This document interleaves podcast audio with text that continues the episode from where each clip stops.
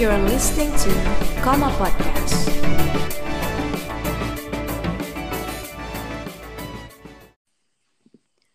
Halo semuanya, selamat datang di podcast Berisik, podcast yang selalu berbagi info menarik. Apa kabar ini para pendengar baru podcast Berisik? Semoga kalian baik-baik dan sehat terus ya.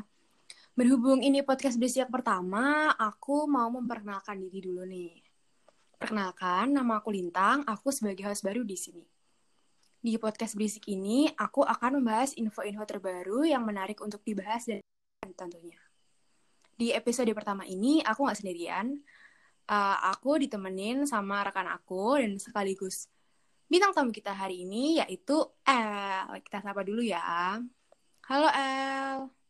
Halo Lintang. Gimana El kabarnya? Alhamdulillah baik. Lagi sibuk apa nih selain kuliah?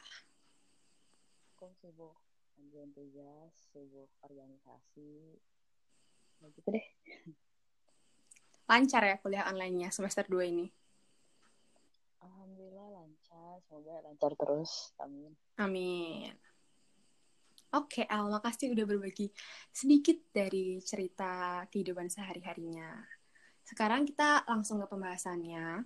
Kira-kira pada penasaran nggak nih? Pada penasaran nggak? Jadi, topik yang akan kita bahas pada hari ini adalah PPKM Jawa Bali dan PPKM Mikro. PPKM sendiri adalah singkatan dari Pemberlakuan Pembatasan Kegiatan Masyarakat dan Daerah Jawa Bali. PPKM diadakan lantaran tingginya kasus aktif COVID-19 di daerah ini. PPKM diberlakukan selama empat periode. Yang pertama, yaitu tanggal 11 Januari sampai tanggal 25 Januari 2021 dan yang kedua yaitu 26 Januari sampai 8 Februari 2021.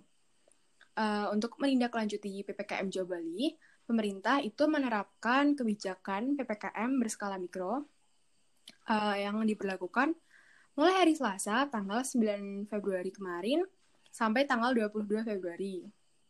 Uh, kemudian pemerintah memperpanjang lagi PPKM mikro dari tanggal 23 Februari sampai tanggal 8 Maret 2021.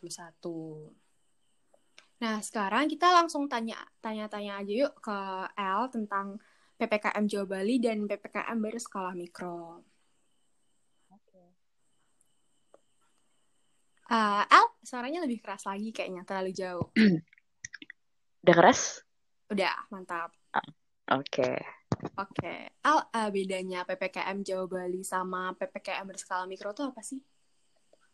Kalau aku jelasin dulu ya PPKM Oke. yang biasa dulu.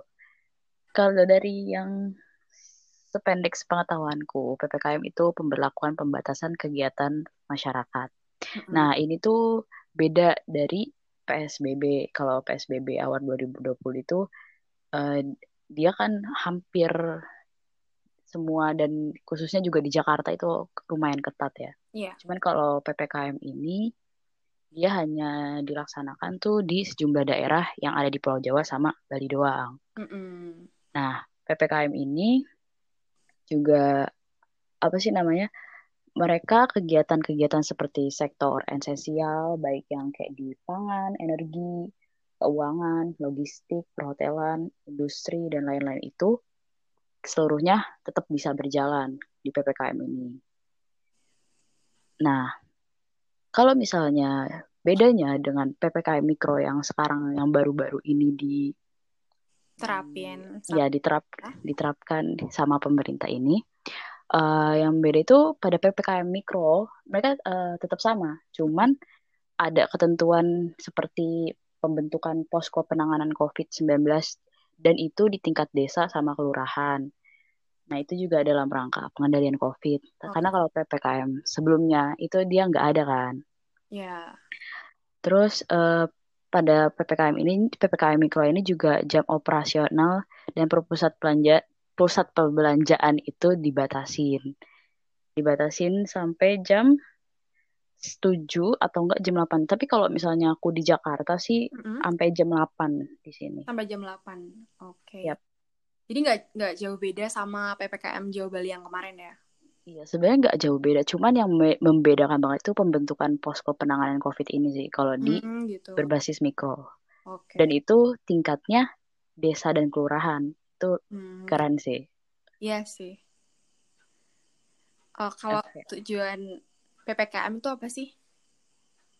Nah, tujuan PPKM itu eh, menekan apa ya? Menekan gerakan orang-orang itu loh untuk mencegah virus virus COVID-19 ini menyebar. gitu. Menyebar.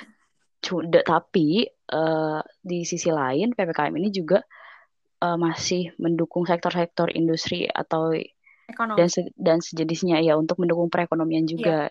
Bener, bener, bener. Jadi dia nggak se- terlalu seketat PSBB waktu awal-awal. Iya. Tapi ini nggak sih? Eh, eh, sebenarnya PPKM tuh efektif nggak sih? Yang selama ini udah diterapkan sama pemerintah tuh? Kalau menurutku PPKM ini belum terlalu efektif sih untuk yang dijalankan. Karena pertama karena ya aktivitas tetap berjalan seperti biasa Hmm. walaupun Dibatasi. masih dengan protokol ya, kesehatan, prokes. tapi eh, itu nggak efektif karena kita masih bergerak gitu. Dan makanya terus-terusan ada pembaharuan di PPKM ini Iya. karena menunjukkan bahwa PPKM sebelumnya itu tanda kutip tidak berhasil dilaksanakan. Bener sih. Masih banyak masyarakat yang eh, mungkin bisa dibilang belum terlalu menaati aturan-aturan yang diberlakukan ya sebenarnya. Yap, betul. Kalau El ini tinggal di Jakarta kan ya? Iya, Kalau di Jakarta gimana nih selama PPKM? kalau di Jakarta menurutku sih yang paling menonjol itu sektor-sektor industri, perkantoran dan lain-lain sih yang tutup lebih awal Oh, daripada biasanya. jam berapa tutupnya?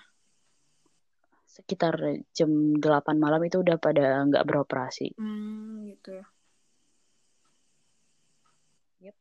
Oke, kalau ini ini kan PPKM-nya kan eh, di daerah khususnya Jawa dan Bali.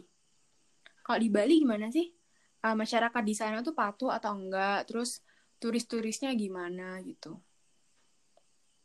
Kalau di Bali, aku nggak terlalu bisa menilai mereka patuh atau enggak. Mm-mm. Cuman yang paling berdampak di Bali gara-gara PPKM ini itu si hotel di Bali itu jadi turun. Turun ya. Yes. Jadi Hmm. bisnis hotel mereka eh, mengalami penurunan turis gara-gara Oh, gitu. PPKM ini.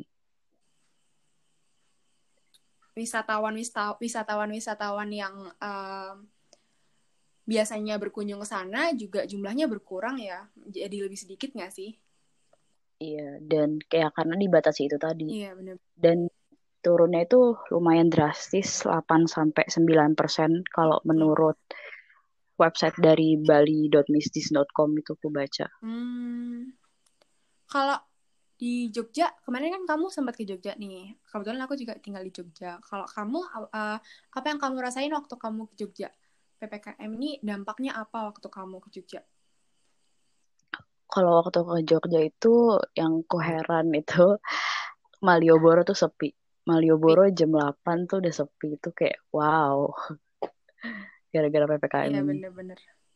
Udah banyak satpol pp nggak sih? Iya, dan itu waktu aku keluar untuk nyari makan itu bener yang Satpol PP tuh apa namanya rame-rame di Iya. mobil tuh udah mulai. ngawasin penjual-penjualnya ya. Iya, betul. Hmm, gitu.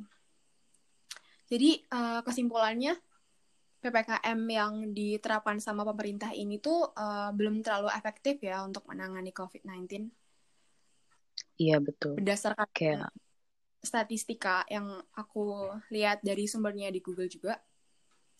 eh, kasus aktif COVID-19 juga masih kayak naik turun naik turun gitu belum grafiknya belum turun terus masih naik kadang turun kadang naik kadang turun betul. Waduh, udah nggak kerasa nih. Kita udah sampai di penghujung podcast pada kali ini. Tapi sebelumnya, kita dengar dulu nih. Apa ekspektasi Al dari diterapkannya PPKM yang eh, periode keempat ini? Ekspektasiku semoga masyarakat itu benar-benar patuh Mm-mm. biar biar semuanya bisa apa ya melaksanakan kegiatannya seperti awal lagi sebelum pandemi itu Biar itu sih kasus COVID juga apa ya eh, perlahan nurun lah ya. Grafiknya nggak naik terus kan. betul Oke deh. Mantap. Terima kasih ya para sama-sama aku closing nih. Terima Oke. kasih untuk para pendengar podcast berisik yang sudah setia mendengarkan dari awal hingga akhir. Semoga pandemi COVID-19 segera berakhir agar kita dapat bertemu di kampus kita yang tercinta. Sampai jumpa di episode selanjutnya. Dadah. dadah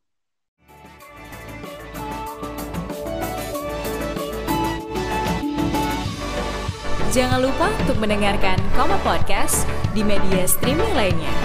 Apple Music, Spotify, dan Anchor. Sampai jumpa!